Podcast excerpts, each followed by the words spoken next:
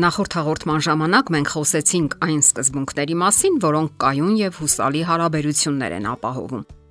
Դրանք են սերն ու հոգատարությունը, ազնվությունը, պատրաստակամություն ընդունելու դիմացինին այնպիսին, ինչպիսին նա կա իրականում, հարգանքը, փոխօգնությունը, ֆիզիկական ու հուզական անվտանգությունը, փոխադարձ բացախոսությունն ու անկեղծությունը, միմյանց անհատականությունը սատարելը եւ դիմացինին չվերափոխելու փորձերը։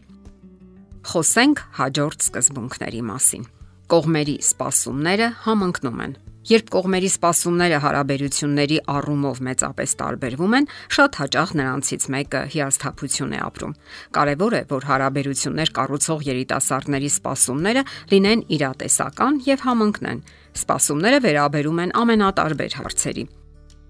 Ինչպես են նշում տոները, որքան ժամանակ են անցկасնում միասին եւ այլն։ Ամուսինների դեպքում կարևոր է, թե ինչպես են տեղաբաշխում տնային պարտականությունները որքան հաճախ են զբաղվում սիրով եւ այլ հարցեր։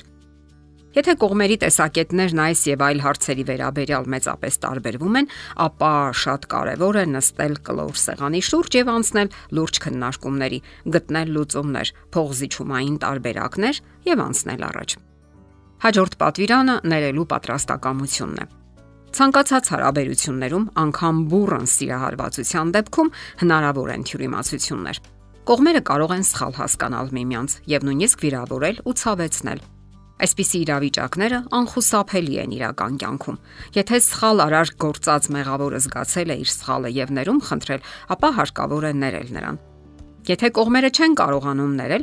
ուղակի կൂട്ടակված վիրավորանքները անխուսափելիորեն քայքայելու են հարաբերությունները։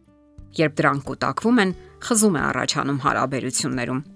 Հաջորդ պատվիրանը հնչում է այսպես. Կողմերը պատրաստակամ են քննարկելու ցանկացած վեճ ու տարաձայնություն։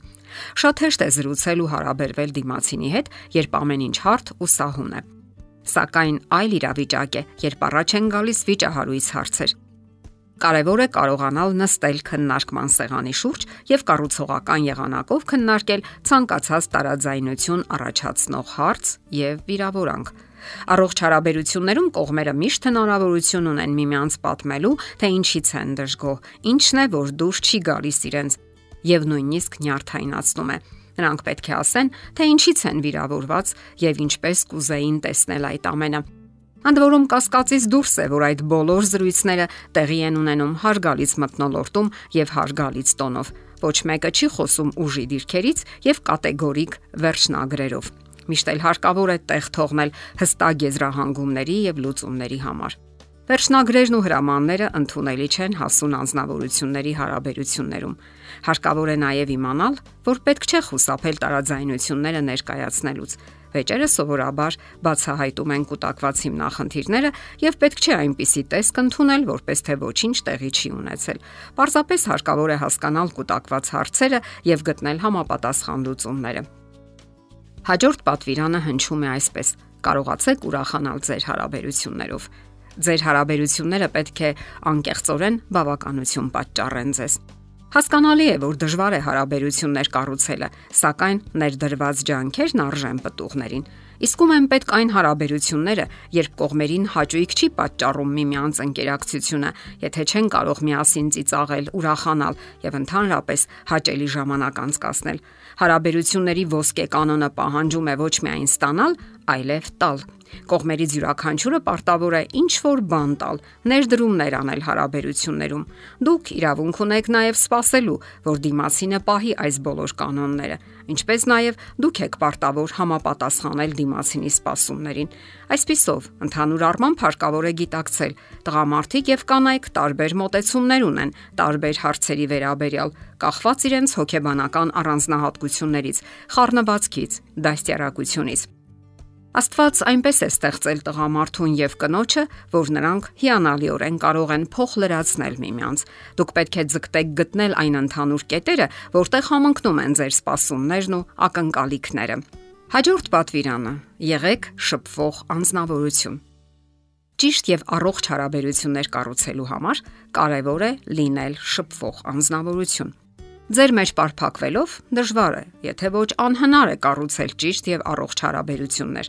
Մենք բոլորս էլ միշտ կարող ենք գտնել վիրավորվելու եւ նեղանալու պատճառներ։ Դա այնքան էլ դժվար չէ, սակայն պետք է գիտակցել, որ կատարյալ մարդիկ չկան եւ ոչ ոք մեր կրկնօրինակը չէ եւ ոչ էլ հայելային պատճեն։